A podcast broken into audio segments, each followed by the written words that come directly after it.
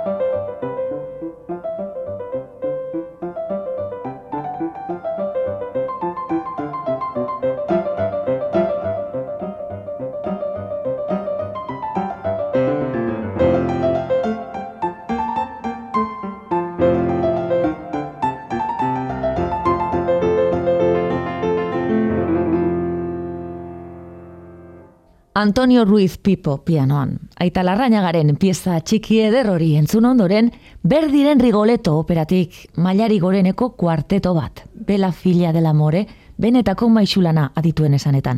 Ana Netrefko, Elina Garantza, Ramon Vargas eta Ludovic Tesie.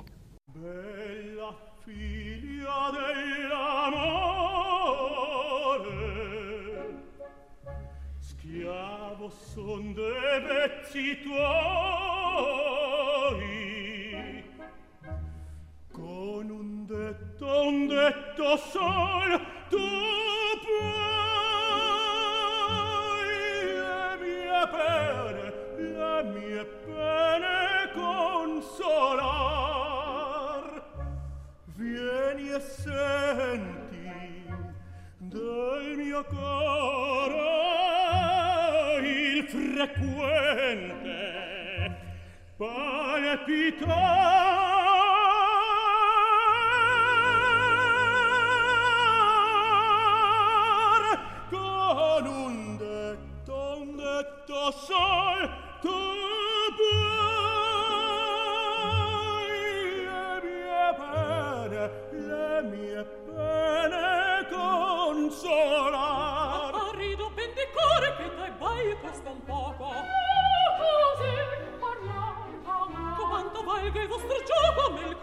s'apprezzar. Taci, il piangere non vo. Sarà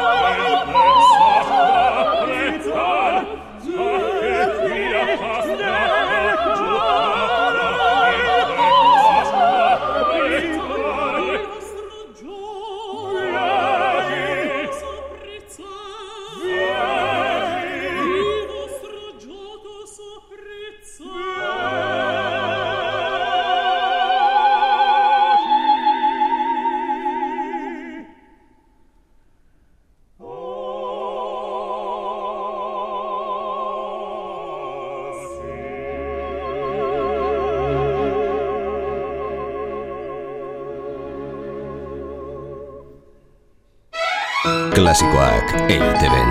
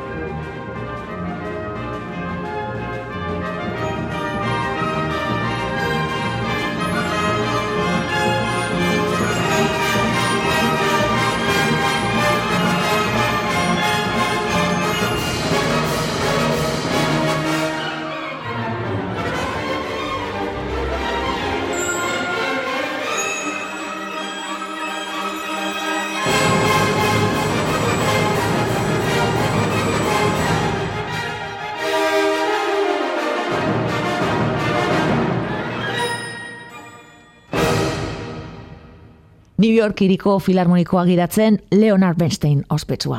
2000 eta emezortzian zuzendari mitikoaren jaiotzaren eungarren urte hurrenean, orkestra famatu honek, omenaldi berezia egin zion beste urtez, zuzendari izan zuen maixuari, bi urteko ospakizuna izan zen, mundu osoan zehar. Hogei garren mendeko musika, hobekien irudikatu zuen zuzendaria izan zela esaten da. Eta gaur bere estiloan pasioz betea, bere orkestra maitearen buru gogoratu dugu, Candid Overture eder honetan. Klasikoak EITB-en.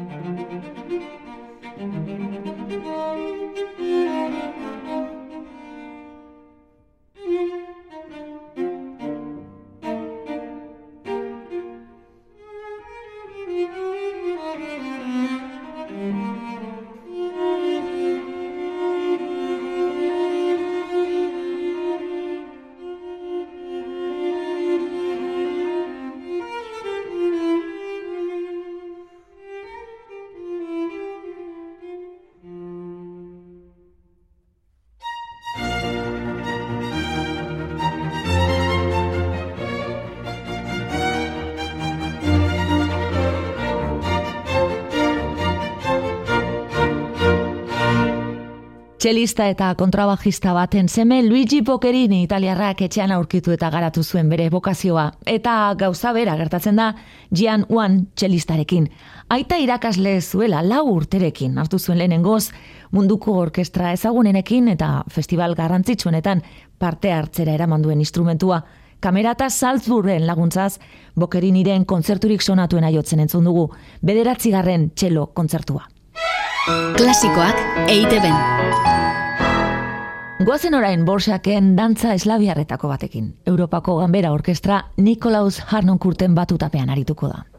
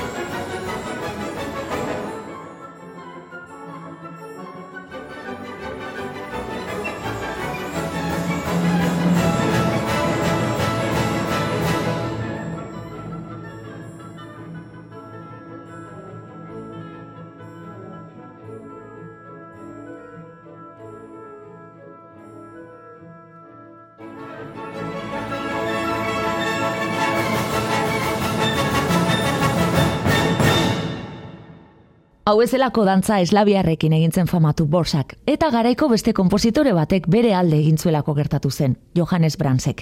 Gutun baten bidez jarri zuen harremanetan argitaletxekoekin. Talentu handikoa zela idatzi zien, baina eraberean pobrea eta aukera bat emateko eskatzen zien. Musikagileen artean leia normala izan daiteke, baina ez beti, eta Bransen portaera eredugarriari eskerra zen zabaltzen, kompositore txekiar gazte artean ez ezagunaren obra. Klasikoak EITB-en. Leonardo Hortensio Salvatore de Leo, kompositorea Napolesko eskolaren kideetako bat izan zen. Amazazpigarren mendearen bigarren erditik aurrera garatu zen hau, erromantizismoa iritsi bitartean. Leonardo Leorekin batera, guztiontzat ezagunagoa den, Alessandro Eskarlati dugu barrokoaren barruan eman zen eskola honetako kide. Sinfonia kontzertataren alegroa entzungo dugu. Hiremi Suzuki txelista japoniarra eta Makoto Akatsuk zuzentzen duen Fam Vasenaer orkestrarekin usten zaitu